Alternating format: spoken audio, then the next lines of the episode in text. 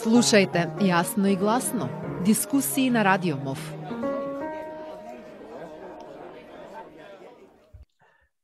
Почитувани, добре дојдовте во уште едно издание на Јасно и гласно. Стоп за полициска бруталност, студентски демонстрации, шарена револуција. Години подоцна дали и колку се исполнија очекувањата на граѓаните кои чекореа по македонските улици и бараа промени. Со нас во оваа епизода се луѓе кои директно беа вклучени во граѓанските движења од тој период и со нив разговараме и за тоа зошто денеска протестите се се поредки, но и за тоа дали очекуваат да се појави нешто ново што ќе ги придвижи граѓаните да се борат против проблемите во општеството. Дискутираме со Ирена Стериовска, театарска режисерка, Александар Донев, експерт за одржлив туризам и Боријан Ѓузелов, политиколог. Ви благодарам на сите за а, прифатената покана да учествувате во оваа дискусија. Ирена, би почнал со вас. Април, мај, јуни, баш овие месеци пред пет години се одвиваше шарената револуција. Најголемото протестно движење од независноста на Македонија. Еве денес, пет години подоцна, какви се вашите впечатоци? Се потроши ли револуцијата на некој начин? А, значи, генерално оно што а, цело време се обидувам да го да го објаснам во однос на шарена револуција е тоа дека шарена револуција се случи во моментум. Значи, тоа беше склоп од околности кои што а, на некој начин допринесоа да а, се случи едно такво граѓанско движење кое што меѓу другото беше поддржано од многу еве и меѓународни фактори и ам, мас, масовно од граѓаните, заради тоа што ам, шарена револуција се случи како резултат на немање на ком, основна елементарна комуникација помеѓу граѓаните и е, се што значи институција. Значи, е, сега колку и да се е, работите ајде да речеме не на место, лоши, од кадровски решенија е, коруптивни скандали и така натаму. Значи, сепак чувството на на на а, немо во комуникацијата помеѓу граѓани и институција не е толку силно и толку изразено колку што ам, колку што беше тогаш, бидејќи сега колку толку ние имаме некаква елементарна комуникација, некаква елементарна ам, а, не знам, поправање на грешки, колку и да, мене може би не ми се ни допаѓа тоа што е толку ам, а, реактивна владата, значи на јавноста, меѓутоа сепак на некој начин сведочи за една поинаква, понасочна комуникација меѓу граѓани институција. Тогаш не имавме ние. Затоа мож, моравме да, не знам, да гушкаме ГТЦ, да да боиме, да значи затоа што моравме да најдеме за да не онемеме комплетно, моравме да најдеме форми ние да комуницираме со со со институциите во во таа смисла. Така што мислам дека а, а, не ни може да се очекува една континуирана, постојана а, а, состојба на, на предпротестно или протестно а, организирање на граѓаните. Затоа мислам дека а, не е ни реално да се очекува тој. Мислам дека компарацијата тој период и овој период не е не е толку легитимна затоа што а, а, констелацијата на работите е сасвим поинаква и реално постои постои одредено потрошња на енергија што се вели после последно такво а, такво движење кое што треба да се да се да се случи да се замешаат многу контексти за повторно да може да се да се почувствуваат граѓаните такви спремни за да направат едно такво големо движење. Само едно едно кратко подпрашање овде Ирина последен пат знам кога се се видовме и кога кога снимавме некои изјави за за Радио МОВ се уште ти стига казни од да, шарената да, револуција. Да, да. Што се случува еве со тоа? Знам дека сега баш кога беше пет годишнината се актуализираше дека уште се водат судски процеси против Да, да, мене на пет годишнина Сабајлето ми задзвонија на на врата и ми дадоа уште 5-6 казни. Значи веќе сум јас преку 10 на казни. Um, тоа е нешто што мислам дека оваа влада требаше да го да го да го реши. Мислам, ние можеме коректно си ги плаќам казните како и секој граѓанин во суштина. Меѓутоа не е проблем јас дали ги плаќам казните. Проблемот е дека не смее да се дозволи луѓето кои што протестирале во шарена револуција да треба да плаќаат за тоа. Тоа е демотивирачки. Ние шарена револуција треба да ја искористиме како аргумент дека граѓанските движења успеваат не дека треба да плаќаме за нешто, не дека сме грешеле нешто. Да, сакам да кажам дека Мислам дека символички е погрешно тоа, независно дали, не знам, мене ми вадат од плата толку и толку или не. Александар, од протестите против предходната власт, па преку директорска фотелја, до првиот отказ по доаѓањето на, на новата влада. Вие бевте еден од примерите на граѓанските активисти кои од внатре требаше да го менува начинот на кој што функционираат тогаш заробените институции.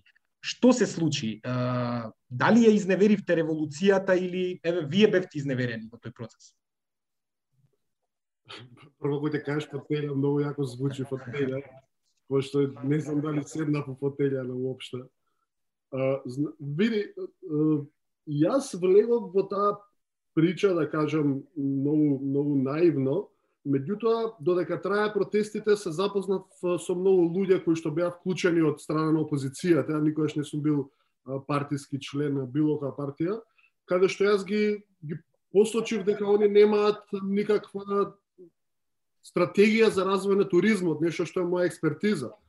И така спонтано на тие протести се случи некоја комуникација каде што еве јас со после што стана министр за финансии со Драган Тевдовски, кој што ја планираше таа програма на, на, на Социјалдемократскиот сојуз, седнавме на кафе, разговаравме и он ми каже може ли да спремиме нешто? Викам, не кажи ми ти во кој формат, јас ќе ви спремам, што ви треба за вие да размислувате туризма, да го вметнете некако во, во програмата ваша.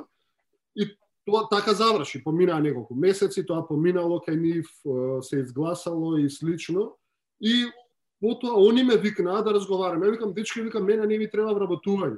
Значи, јас сакам туризмот да биде на а, да има внимание во нареднава влада, пошто предходно беше многу катастрофално планиран и воден. И искрено јас се изненадив од кога ми ја кога бев па ми ја понудија и позицијата И јас апсолутно, ја, мојот услов беше да има политичка волја за тоа да го направим. А, мене апсолутно не требаше седење на фотелја, никакво. И јас, како што кажи ти, јас таму издржав некои 6-7 месеци, мене ме разрешија за а, патување со бизнис, а, за бизнис карта авионска, која што јас уопште не, не мојата институција не ја набавува таа карта. Значи таа карта ја набавува сектор за општи земјички работи, нешто што подоцна искочи во, во, во јавноста, не знам дали пратевте тоа, имаше доста дека големи нели како да кажам дека има корупција голема и во то, во тие тендери за набавување на тие авионски карти и слично. А не е дека ја не лета в бизнес класа, меѓутоа тоа беше лет од 17,5 сати на светски самит каде што се подразбира дека дека нели, дека бизнис не значи прва класа, бизнис значи да има место за да можеш да отспиеш, за да стигнеш на одредено место да бидеш спеш, затоа што ја представуваш државата. Не се. Оно од царината револуција што јас го продолжив да го правам е, нели, ние се боревме за непартизирани, професионализирани институции. Јас тоа продолжив да го правам и кога влегов како директор на Агенцијата за туризам. Меѓутоа, како да ви кажам, јавна администрација е такво чудовиште што прво за да вие имате некаков успех треба да имате многу силна позадина.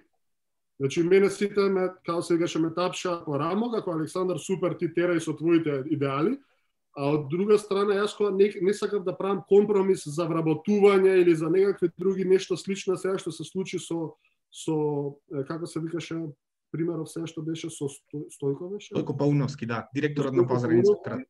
Нешто многу слично има од повеќе аспекти и мене мислам малце повеќе да разбира што случи, јас бев разрешен не ради бизнес карта или за нешто, бев разрешен за тоа што знаеш, не бев послушен директор.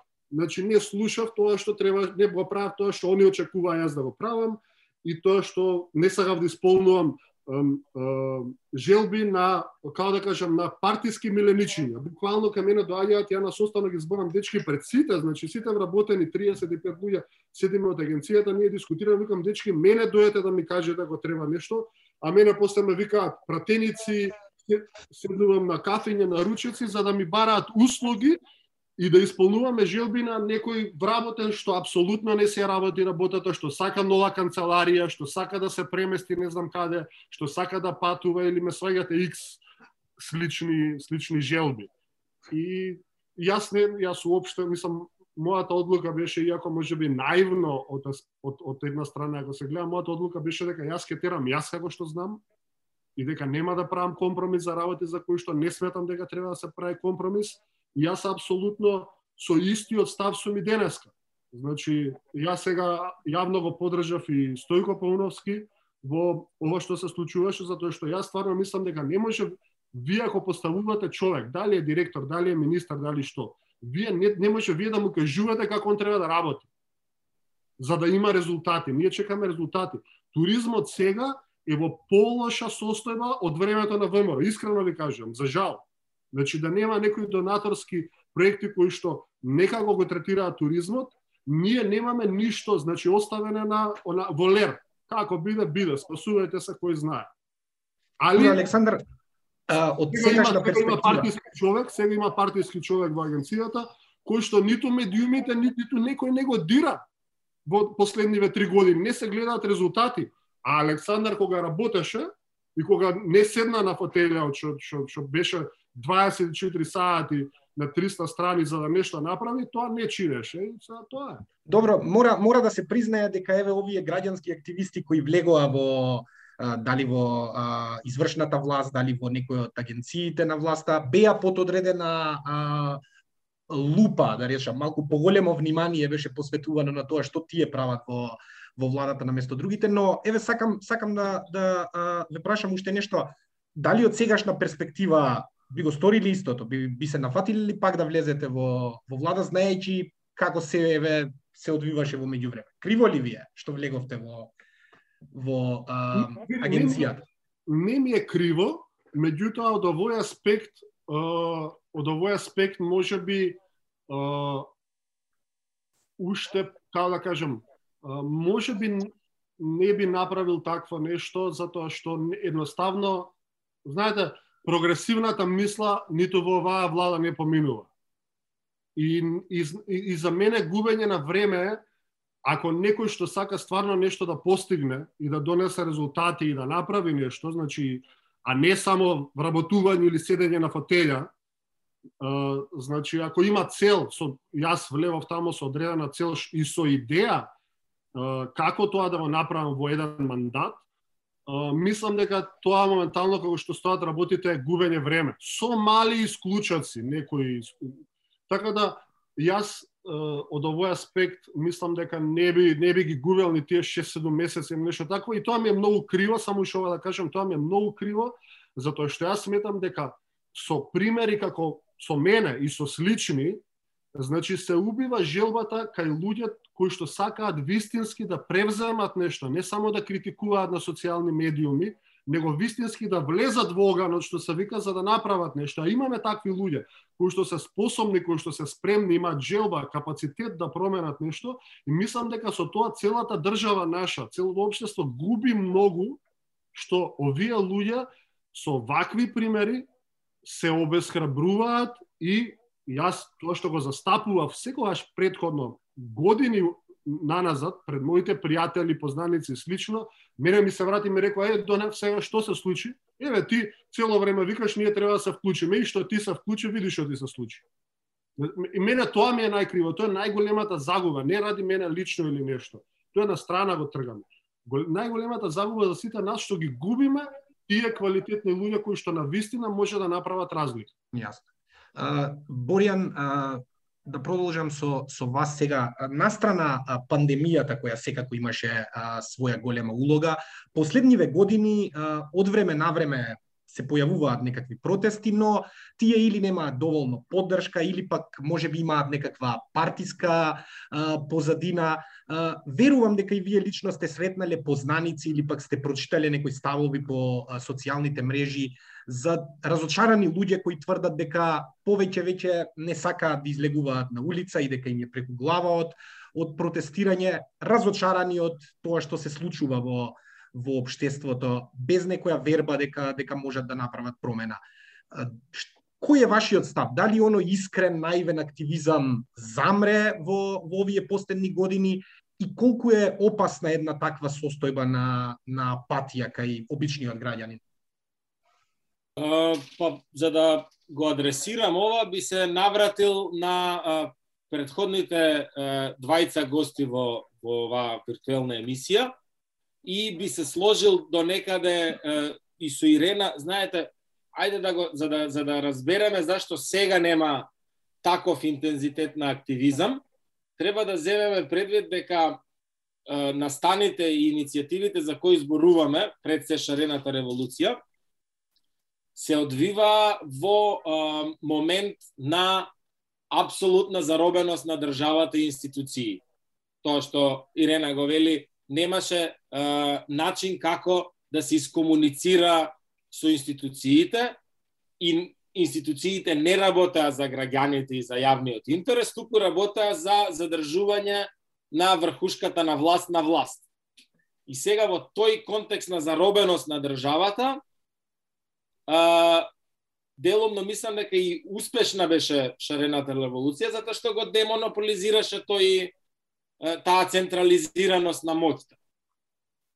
А од друга страна, во поширока смисла, тоа демонополизирање на моќта не донесе а, промена на непишаните правила на игра во политиката, туку продолжи во помала мера, но како поминува времето тоа се повеќе и повеќе ќе се зголемува, продолжи теркот на партизација на институции, а, партиска послушност и лојалност пред идеи, ентузијазам, а, она што а, Александар го илустрираше добро, професионализам и така натаму. И сега ние сме во една ситуација, еве јас сам се прашувам зошто сега не протестирам. А, не верувам дека а, луѓето сега денес не би излегле повторно на улица, но постојат и, и, и не мислам дека се намали во голема мера интензитетот на активизмот, само што тој активизам сега не е а, онаков како што беше тогаш. Бидејќи тогаш а, проблемот беше поголем и активизмот, активизмот беше по, а, по имаше поголем интензитет. Сега сепак постојат а, начини на кои ние гледаме да ја држиме власта отчетна. Нормално тоа не е идеално, но иако постои големо разочарување од те, те голем, те многумина, сепак мислам дека а, шарената револуција беше едно добро учење на демократијата и практикување на демократијата со сите своји позитивни и негативни страни и разочарување. И мислам дека од тоа се изроди една една еден потенцијал кој и понатаму ќе ќе ги држи политичарите и институциите отчетни и ќе ги подсетува зашто се тие тука, дека тие се тука за граѓаните. И тука уште едно, иако е тешко во денешни услови да се биде оптимист, би додал уште нешто. А, во изминативе години забележлив еден тренд кај што многумина млади луѓе кои не се иселуваат, се вработуваат во индустрии кои се целосно независни од политиката. Или работат како фриленсери, или работат во меѓународни компании, кои аутсорсираат за, за странство и така натаму. И тие луѓе се многу по економски, а со тоа и политички независни од своите родители.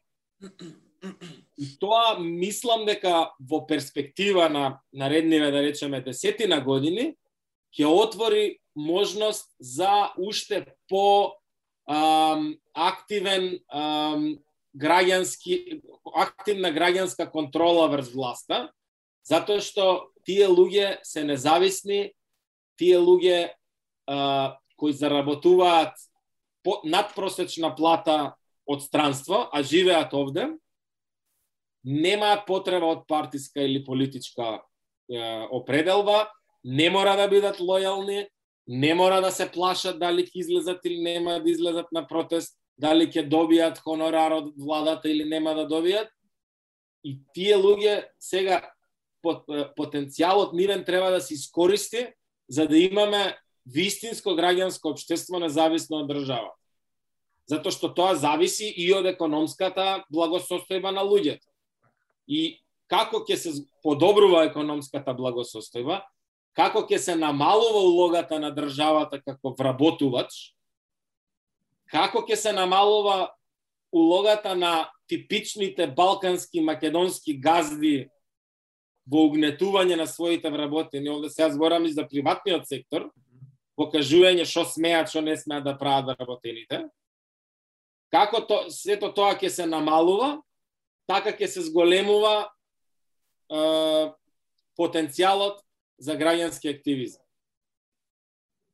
Uh, Ирена, um, не мал дел од поранешните гласни активисти, учесници на шарената револуција, меѓутоа и на други движења, денес а, изгледаат барем а, далеку потивки а, во критиките за некои од грешките, некои од скандалите, некои од сомнежите за корупција на на оваа актуелна влада.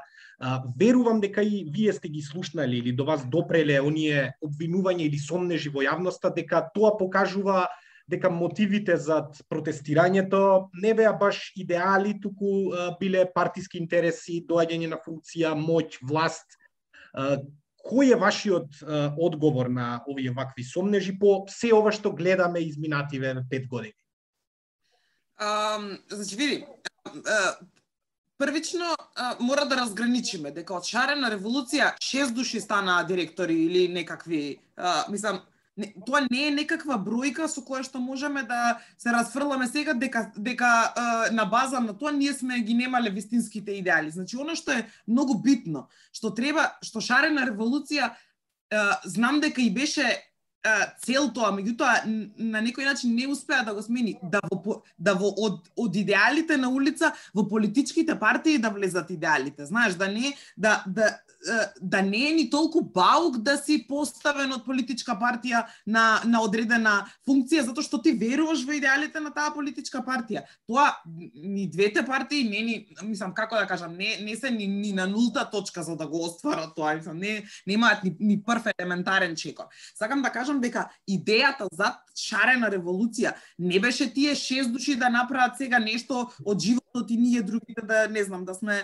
Um, некакви мажуретки позади. Не, поентата е поентата беше да се префрли политичкиот активизам да не биде нешто од кое што луѓето се плашат, туку да биде платформа со која што може да донесеме одредена промена. И ние никој од шарена револуција, мислам се, никој се, не знам за никој, ама генерално тие луѓе со кои што јас комуницирав, никој не се плашеше од функција и никој не викаше, е јас јас сум тука за, за да станам пратен или за, за да станам директор сигурно и со Донев така. Значи, само да кажам дека сите сите го разбирам Донев и апсолутно се согласувам со него дека демотивирачки све што се случува од чарена револуција наваму е демотивирачки за луѓето кои што реално сакаат да променат нешто. Значи, а, а, сам да кажам дека дури и матрицата е малце поинаку поставена, знаеш, ако си протестирал, дали си протестирал заради функција. Не си протестирал заради тоа што си имал идеали одредени и си прифатил функција заради тоа што си мислел дека дека нешто ќе направиш. Јас сега не зборам конкретно за сите да ги бранам, да значи чисто зборам за начинот на поставување, еве за мојата елементарна логика. Значи хипотетички кога не знам така за 5-20 години, не знам, би станала јас директор, не би било тоа врз основа на тоа што јас сум се уклучила во партија. Не, туку партијата ми се уклучила мене. Знаеш, тоа е Тоа е и тоа е битно затоа што луѓе ги водат институциите, не ги води некој е, е, членска карта, не знам, 4527 од СДС или од ВМРО. Знаеш, сам да кажам дека ем, треба треба малце да ги разграничиме работите во однос на онаа партиската конотација. Барем според мене дека а, а, партиите се апсолутно виновни затоа што тотално се контекстуализираат во еден најнегативен ам, ам, контекст да ти имаш ам, ам, не знам председателски избори пред неколку години и да врвот на на на на продажната точка е дека двајцата кандидати не се партиски и се независни. Ме разбираш, мислам, сам да кажам која е поголемата анатема која што партиите ја прифаќаат за себе си, чим чим нудат таква карта за продажба, ме разбираш? Значи сам да кажам дека а, а, од старте утната таму работата. Значи тотално е промашена работата и мислам дека бидејќи партиите не се освестуваат, мислам дека граѓаните треба да полека матрицата да ја да ја да ја вртат, да да да конкретизираат име и презиме во однос на виновни луѓе и да бараат од политичките партии идеологија, зашто немам, не можеме ние вака кој е кој е побогат, кој е посилен да си играме. Политиката, во политиката генерално, јас сум уметник, знам, уметност не може без идеали. Политика не може исто без идеали, затоа што ти нешто нешто мораш да веруваш. Не е не е муабетот само вработи ти луѓе, па да ќе те подржуваат. Не, не, вистинската политика, вистинските и револуции и промени се случуваат кога многу луѓе веруваат во нешто што не е материјално, веруваат во некаква идеја, во нешто, нешто што може да направи, да им го направи ни животот подобар. Така што, се ако збориме за овие луѓе во што се после шарена што беа по функции, суштина од нив се сите останати по функции Не, ама а, Ирена, знаеш што не мислев... ако грешам, ама нула, мислам. Не мислев само на на тие што има некакви а, функции, туку мислев и на на оние што биле гласни предходно, а кои што сега кога се случуваат некакви скандали, не знам, еве, се случуваат секој ден нешто, сега се малку потивки за за тие работи на социјални мрежи. Ако предходно се повикувало на така, протести така се бун за некоја работа. Така се разграничуваат кои биле таму преку СДММ, преку не знам одредени организации партиски и кои биле таму како граѓани. Значи тие што се сега гласни се истите луѓе што тогаш беа гласни, знаеш. Ама тие што сега се тивки, тие луѓе се поврзани со организациите на самата партија и тие сега и е нереално да очекуваш да се мислам во ваква некаква конотација, е нереално да очекуваш од, од одредени луѓе да се да се гласни така како што како што биле тогаш. Али реално јас го немам тој впечаток сега бидејќи јас ги знам точно кој беа од граѓан, кој беа кој беа граѓани, кој беа од организации и кој беа од партија, ме разбираш? Сега а, а, а, реално луѓето што сум очекувала да да да да не престанат да да интервенираат во во односно да коментираат и да да се обидуваат да поправаат потези на власта, се уште се гласни. Тие луѓе кои што сум знаела дека на некој начин ќе ќе ќе се конформираат во во новата состојба и тие луѓе се само да кажам дека тоа е предвидливо, мислам беше предвидливо и тогаш во суштина. Александар, и со тебе би сакал а, ова прашање, но на малку поинаков начин ќе го поставам. И сега, како и во времето на предходната власт, пак постојат оние табори на социјални мрежи, само што сега некако како да ги заменија улогите. Тие кога кои предходно напаѓаа, сега повеќе бранат, а тие кои што тогаш бранеа сега сега а, ја напаѓаат власта. Еве ме интересира дали вие забележувате промена во однос на некои од луѓето со кои што може би сте протестирале заедно, сте чекореле по улиците, гледате ли дека они се смениле или не знам, може би е погрешна перцепцијата? Да, види, јас лично од моето обкружување и луѓе што ги познавам или што сум ги запознал за време на, на шарена револуција, и кои што ги пратам, ги гледам со социјални медиуми се иако бевме во пандемија, меѓутоа гледаме што го се случува. имам различни примери, знаеш, имам имам познаници кои што ги викаме ние тендер друштво, знаеш, си влегува по тендери, си бркаат тендери, сега сите се тивки и си, си, си бркаат бизнис, исто како што имавме тендер друштво и во времето на ВМРО, ништо различно, значи битно е само да се да, да да фатиме некој тендерче. И тие се се апсолутно тивки и нигде ги нема, нели? Е супер сега, ние живееме, дојде живот, така. Um, има луѓе кои што о, јас се ставам можеби делумно во таа во, во тој како да кажем во, во тој тип на луѓе што можеби се изморени некако од све тоа пошто беа присутни со години и слично еве тргам само од себе знаеш сега гледам да бидам конкретно намо кај што на вистина можем да направам промена. И ја продолжувам да работам во туризмот на регионално ниво, меѓутоа и кај нас исто.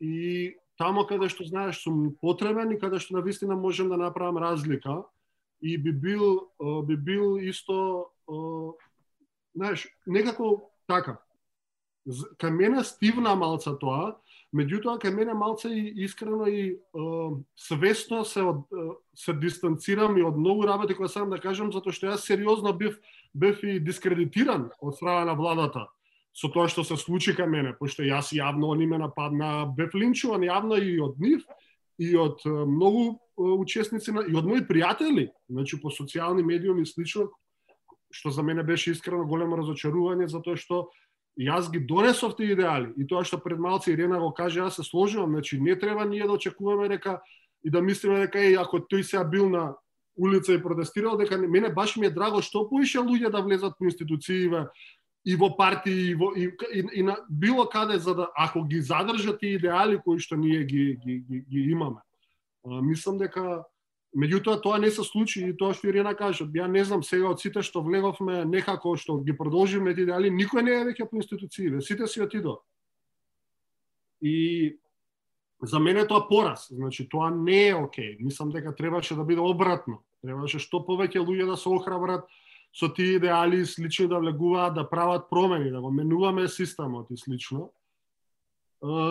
И сега тука мора да, да збомнам и за оние има тоа е најголемата група на луѓе, ако може да вака од моја перцепција, тие кои што предходно им било страф да критикуваат, да зборат. И сега одеднаш кога нели ние збориме за време кога на вистина не само што беа заробени институциите, меѓутоа имаше сериозни закани.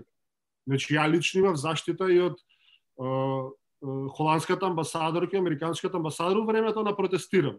Значи, каде што ние имавме закани по живот, каде што нас не чекаа комбиња и не пратеа луѓе во цивилка 24 сати. Значи, ние збориме од време каде што беше на луѓето им беше страв да кажат нешто и сега деннашка, затоа што на тоа поле има огромен напредок. Сега слободно се критикува, слободно се разговара. И тоа е заслуга на нешто за кое што се боревме толку многу време, толку многу луѓе. Тоа е заслуга на, на, на, на години поминати во протести и во, и во граѓански активизам, да кажем. И така да сега тие луѓе што биле тивки, знаеш, или се гласно критикуваат, пошто сега они тоа може да го прават слободно, што е супер, или тие што, знаеш, има и еден дел од луѓе кои што ти викаат, еве, ви кажав ја, ништо вие нема да направите пак исти. Дојда пак. Да. Знаеш, за да се извадат за тоа што они ништо не правеле, али еве пак ништо не прават, пошто сите се исти. Знаеш, мислам, и сега тоа, окей, ја најчесто не ни влагам у такви да пади, окей, како мислиш така, окей се е све. Меѓутоа, еве, јас преска ти кажав, пред да збориме, една папка една што се вика протестирам, само да ти прочитам, значи, вака само идам кроз документите, значи што бараме, продолжуваме протести, кој, значи ние сме имале конкретни барања. Значи ние не протестиравме, ние, значи ние знаевме што бараме. Полномошно за адвокатско друштво Давидович и Јанковиќ ме застапуваат за проблеми што ги имаме во така. Предлог за итни демократски реформи, така. Огледало на владата, учество на јавноста во процеси на подготовка на закони, а, за следење на ризици, корупција, организиран криминал, следење на врска меѓу корупција и организиран криминал, документи за јавни политики, Corruption Assessment Report, извештај за возможување околина за развој на граѓанско општество на Македонија, Civil Society Index for Macedonија, прирачник за партиципативно буџетирање. Знаеш, ова Се реализирано од тоа. Да, не само ти нафрлам, да, мислам тоа се години време од иницијативи, од луѓе вклучени, од нели институции вклучени не, не, не наши институции, меѓутоа меѓународни институции, донатори кои што помагале во овој процес и кои што јас Не, сметам се дека- пошегував дека дека овие работи се актуелни до ден денеска истиве што ги читаше буквално од ширената револуција не преку преку транспарентност и корупција, истите работи до ден денес се актуелни. Значи, да, и ние според, на пример, според Transparency International сме на 111 место, најлоше до сега во перцепција за корупцијата. Меѓутоа, не значи дека сега има поише корупција. Сега има апсолутно многу корупција. Меѓутоа, предходно перцепцијата која сега е поголема перцепцијата, може да видиме што се случува. Значи не е ко предходно, предходно ние не граѓаните не ни гледаа што се случува. беше страв да зборат. И една од улогите на шарена револуција беше тоа. Од многу аспекти е успешна Меѓутоа не беше шарена револуција и све што се случуваше дека ние со тоа ќе ги решиме сите проблеми и одеднаш ка ние преку ноќ ќе станеме, не знам, Шведска. Јасно. Меѓутоа отвори многу, отвори многу и го, тоа што Боријан го кажа, значи го зголеми потенцијалот за граѓанскиот активизам во иднина. И сега како ќе го искористиме до нас? Боријан, а, моментално главното упориште, би рекол, на критиките и на активизмот некој а, кај а, граѓаните се социјалните мрежи. Таму се а, најмногу има собирање околу, околу некакви заеднички интереси, одбрана на некакви заеднички интереси, но колку еве тој активизам на на Facebook и на Twitter и на други социјални мрежи може да го замени оној притисок кој што би дошол преку протести, преку улицата и, и слично. А добро, социјалните мрежи исто како и улицата се дел од методите, не е дека само тоа е начин да да се изврши притисок и да се да се подсетува власта зашто е таму и за кого е таму. А, јас лично не сум голем, се помалце и помалце имам доверба во социјалните мрежи во смисла на како алатка која може да да работи за јавното добро. Пред некои десетина години се сеќавам уште како студент пишував една анализа за влијанието на социјални мрежи врз граѓански движења и протести, тогаш бев голем оптимист, тоа беше арапска пролет време и така натаму.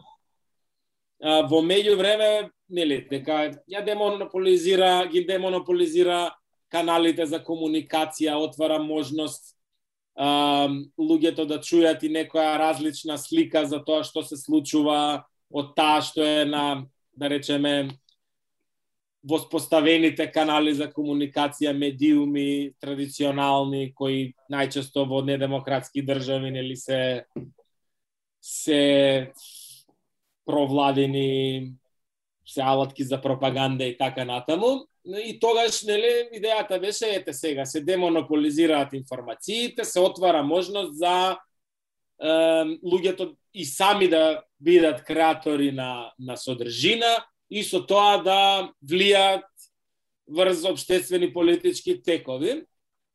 Со тек на време се виде дека тоа не е баш така, туку дека социјалните мрежи се големи расадници на лажни информации, на лажни вести, на на говор на омраза и дека се всушност многу податливи за манипулација од истите тие елити кои генерално сакаат да имаат контрола и врз традиционалните медиуми. Само што овде на, на еден многу по-нетранспарентен и, и нов начин, нејасен за, за, за, за сите, се наоѓаат начини како да се влие, што преку нели социјал фейк профили на Твитер, на Фейсбук и така натаму, но и преку разно разни портали кои преку ноќ никнуваат и после ги снемува и така натаму. И практично излезе дека целата таа целиот тој свет на онлайн медиуми и на и која е границата меѓу социјални медиуми и онлайн медиуми, нели, да тие немаат редакција. И сега тоа е од една страна добро што нема редакција, пошто нема да има цензура, од друга страна треба да има некакво уредување. Ако нема уредување на што оди во јавниот простор, што не оди, нема факт чекинг, ако нема нели проверка на факти и така натаму, оди у една друга крајност целиот тој целиот тој свет на социјалните мрежи. И сега денес мислам дека ние стварно не само како во Македонија, Македонија најмал проблем, целиот свет е во една во еден во една фаза преодна кај што се почнува да се регулира тој свет. Така што конкретно за Македонија што да кажам, мислам дека во моментов повеќе штета прави за јавниот интерес социјалните медиуми, отколку добро.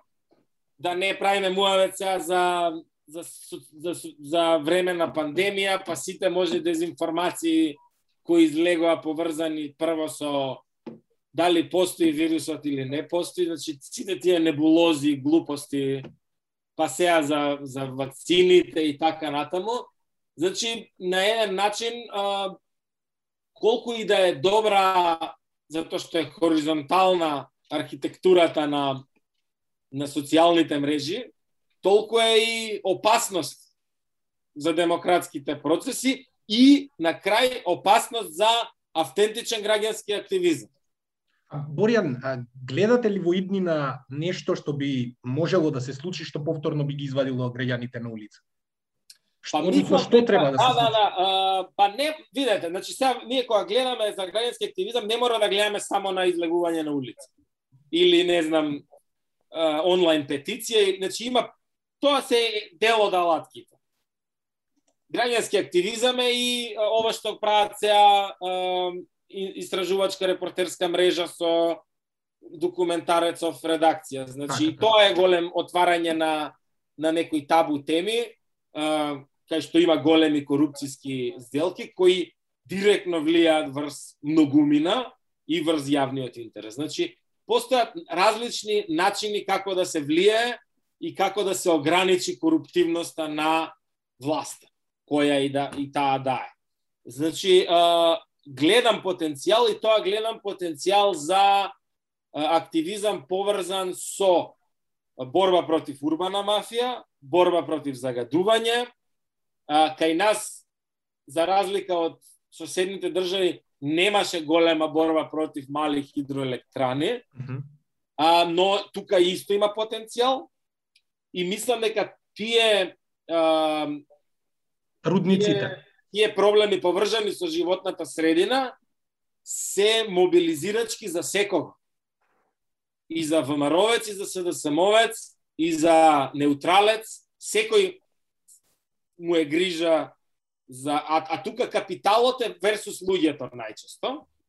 И сега тука мислам дека постои потенцијал не само еме за излегување на улица, постои потенцијал за граѓански листи на локални избори, постои потенцијал за не велам сега ние дека ќе најдеме трета опција политички, мислам дека тоа не е многу возможност со нашиот изборен модел и со мултикултурноста што ја имаме и така натаму, кај нас дуи е трета опција, но постои можност за ем, за влијање, влијање директно во процесите на политичко одлучување на локално ниво пред се, на нешто слично што се се случи во Загреб со со Можемо, иако тоа е нешто што ние што е далеку сега за нас да да дојде градоначалник од граѓанска од граѓанско движење да да произлезе градоначалник на главен град, но советници во клучни општини кои ќе стават вето на на штетни дупови и така натаму, мислам дека тоа е еден потенцијал кој кој може да кај, кај што треба да се движи. А, Ирена, а, еве последен круг на на прашања. А, сакам да да ве прашам за тоа што еден на пример од главните слогани на шарената револуција беше нема правда, нема мир. А, како се чувствувате вие и како се чувствувавте кога ги слушавте сите оние а, вести за бегањето на Груевски а, од правдата, а, функционери, соработници на предходната власт на кои им застаруваат дела, ослободителни пресуди, нели? Сега последно имаше и пред некој некое време луѓе кои тогаш повикуваа на ноќ на ножеви во наводници кои што а, се некакви советници сега на или биле а, предложени за советници во во министерствата. Како вие еве како некој кој се бореше против тоа, се чувствувате кога ќе отворите а, интернет портал или вестник или на телевизија кога ќе спушнете една ваква вест? Лошо, многу лошо, затоа што е, на некој начин ние граѓаните што бевме надвор од секакви партиски математики во шарена револуција, сепак заедно протести, протестиравме со е, со социјалдемократски сојуз и со што многу други а, партии кои што одлучија да се уклучат во шарена револуција. И сега тоа е како некој соборец, без разлика дали бил а, од партија или не, да не ги исполнил идеалите. Значи, во суштина, тука е најголемиот проблем, според мене. Тоа не е разочарување од шарена револуција, тоа е разочарување од тоа што се случи после шарена револуција. Значи, тоа треба да се дис, да, да тие, тие ам, два моменти. Ам, во суштина нема некоја посебна филозофија овде. Значи, а, реално правдата во Македонија ам, не можам да кажам дека толку дрско не се не се почитува како претходно. Меѓутоа, ни од близко не е тоа нити што е ветувано, нити што е очекувано. Зашто ние не се боревме за малце да има правда. Не, ние се да има правда. Значи, а, во суштина малце да нема правда е неправда. Не може не, не се мери тоа со со со кила, со грама, со грамови, туку просто немаме систем, нема воспоставено државата систем, пејсом и алков, значи цела држава се крена, човекот спиел, ме разбија, мислам, температура имал. Глупости се тоа. Сакам да кажам дека тие се некои работи што се случуваат во позадина, кои што после тоа се преведуваат за да можеме ние граѓаните да ги ајде да ги изџвакаме некако. Значи тоа се други договори, некои кои што на некој начин а, а, немаме нити ние ги знаеме правилата, нити нити се доволно транспарентни и никако не би ги одобрувале, знаеш. И генерално мислам дека иако не можам да кажам, иако не можам сега, сега како како како размислувам на таа тема, а, значи, ние го имаме Орце Камче во притвор, го имаме сега во моментов Сашо Мјалко во притвор. Тоа е нешто што остај тоа што сме не можеле да го замислиме пред пред 5 години, туку тоа е на некаков начин ослободување од го имаме Рашковски како бивши функционер во во во притвор. А, на некој начин е ослободување на тие стеги во смисла на тоа дека се случуваат работи кои што претходно не сме можеле да ги замислиме. Дали е тоа задоволување на правдата во, во целост? Не, не е задоволување. Трошки, трошки, трошки, тоа се трошки. Не, Не, не, не, трошки, не, тоа се чекори. Не, не можам да кажам дека се трошки. Не, јас не мислам дека се трошки. Меѓутоа поентата ми е дека а, а, тие се што е што е клучот? Што мислам дека е клучот кога збориме за правда? Збориме за институциите да истражуваат. Значи, они да бараат корупција, да ја наоѓаат корупцијата и да ја вадат во јавност да ги казнуваат луѓето. Ние во моментов се а, соочуваме со некаква реактивна правда. Значи, ако некој некаде извади нешто, тогаш се покренува и обвинителство и све и најверојатно тогаш тој човек ќе го јаде во условно условно кажано. Не се трошки. Сашо Јалков во затвор не е трошка. Орце Камчев, тоа е, е, е мислам, еден од највлијателните олигарси, он и приватен сектор и држави и све мање више може да Они се во притвор и после колку години, после испрани сите бизнеси, свртано све што треба, после толку години, они се во притвор, не се осудени. Така е, не, не, Ако не е осуден Мијалков, Мијалков е осуден, да. На колку е осуден јал? 12 години, колку? Така нешто. а силно осуден. е. Да. Само не е да да ќе апелација. не е правосилно, сега на апелација Не, треба. на апелација сега. Не, Зборот Не, ми е сега дека, требаше дека да го- сега Дали сега одлучуваат дали да го пуштат за да се брани од слобода за чет, за 4 или колку милиони евра вакво да. Ама неколку случаи има он. Да, само тоа, неколку, неколку случаи има. А, а плюс оваа што е 12 години не е, не е правосилна, не е потврдена од апелација. Добро, да. Тоа кажам после толку години дека нека мене искрено тоа ми се трошки за она што ние се боревме. Не, знаеш што е, знаеш што е муабетот? А, а, трошки имаш печаток, тоа е голема работа. Значи не, не може да го минимизираме тоа, ќе ако го минимизираме тоа, ќе ќе ја изместиме вредноста што значи помак, што значи останување во место, знаеш. А, а, а, мислам само дека дека дека треба да се да се создаде системот себе да функционира, да не треба, не знам, а, а, Се, нормално на новинари има работа да отвараат коруптивни скандали, меѓутоа не може само не може само ако новинар отвори корупционен скандал да има случај, знаеш, мора обвинителство само да работи, мора полиција сама да работи, мора да некако од да почнат да се решаваат работите, да не да не да не а, а, решавање на голем скандал инцидент. Значи ние имаме факт е дека јасно е дека ние имаме голем а, и, и, и различна корупција, значи од ова од урбана мафија, од советнички, до еве генерален сек на влада и така натаму. Значи ние имаме а, она како се вика варајати на на на на, на скандали. Реално ние треба на некој начин зашто се Ја мислам дека нешто е со интернетов има некој проблем. Аха, добро, сега се среди, све окей сега. Предходно кога зборав јас беше на 6 пати. Малку сецкаш. Не, Да, не. сега се слушаат некои други гласови се слушаат и редо. Не. Не? Ако прислушкува некој. Ам, Валјда заврши сакам- тоа. Да, сакам да кажам, сакам да кажам дека а, а, реално веќе поц- а, треба да почне а, организмот од внатре да се бори против тие а, да речеме чиклетки. Еве, да ги речеме. Малигни влијанија.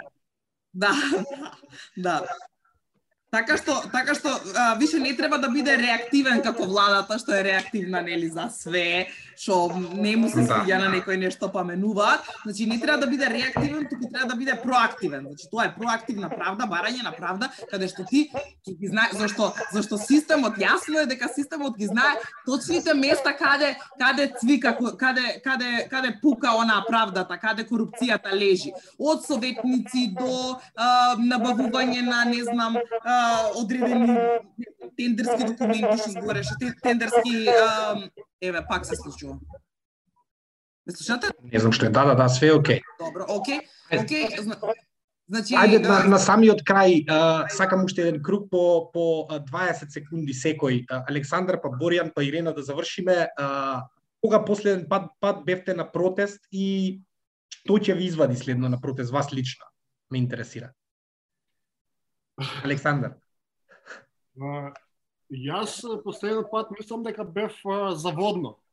За Мгм. гасоводот на водно и бев неколку пати, не само еднашка и бев исто доста гласен за тоа а, пошто мислам дека ја уништија планината што ја имаме тука од Скопје и видовме ништо не се случи со тоа, пошто тогаш оправдувањето беше дека нели нешто брзо ќе биде, па ништо не се случи. Мислам дека и вие пишувавте неколку пати за истото. И бев осудуван од многу така истомисленици од предходно, е што сега ти протестираш, пак, о, пак, како викам да не протестирам, пак видиш што се случува. Така да тоа беше последен пат кога јас бев на протест, А што следно би, би извадило на улица? па најверојатно некој од овие Борјан убаво ги ги посочи приоритетите кои се каде што околу кои што сите се спојуваме. Така да загадувањето, нели, Еколошките. еколошките моменти, да, здравиот живот, тоа што, нели.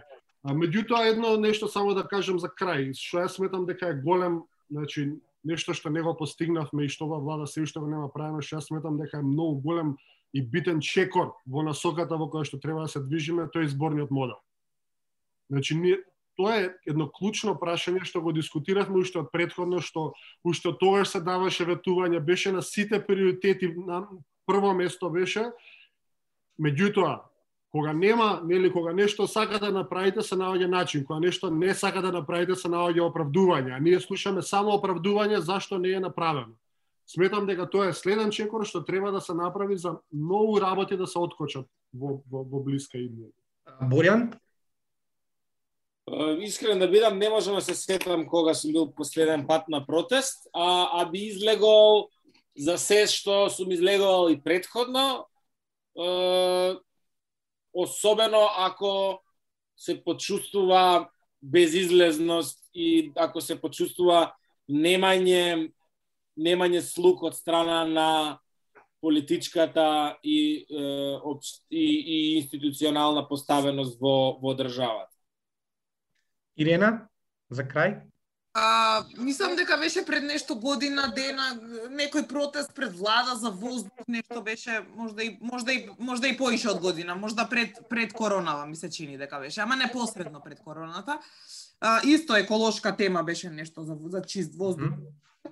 А, е сега што би ме извадило, види во суштина јас сум истиот човек и генерално сите мање више од шарено сме истите луѓе, истите ствари можат да не извадат, само поентата е што треба да се случи, значи мотивацијата е таа, ќе те извади тебе, значи неправда ќе ме извади, дефинитивно првично неправда ќе ме извади на на на улица, меѓутоа да, дали воопшто ќе се искреира улицата многу зависи од односот на на институциите, како се однесува по по тоа прашање, се враќаме на почетокот сега оно што кажав, ако институциите, ако ти даваат чувство дека ти сепак можеш да комуницираш, значи и ван улица, да не ти треба улица за да го направиш тој притисок, веројатно и никад нема да се достигне тој левел на на на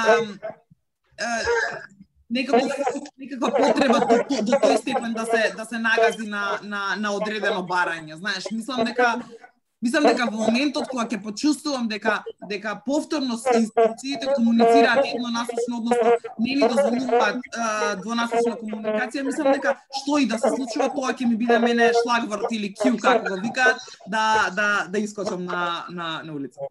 Ви благодарам на сите за за учеството во ова денешна дискусија. А, на сите што не следевте, ви благодарам за за вашето внимание. Пријатно до следната емисија Јасно гласно. Слушајте јасно и гласно. Дискусии на Радио МОВ.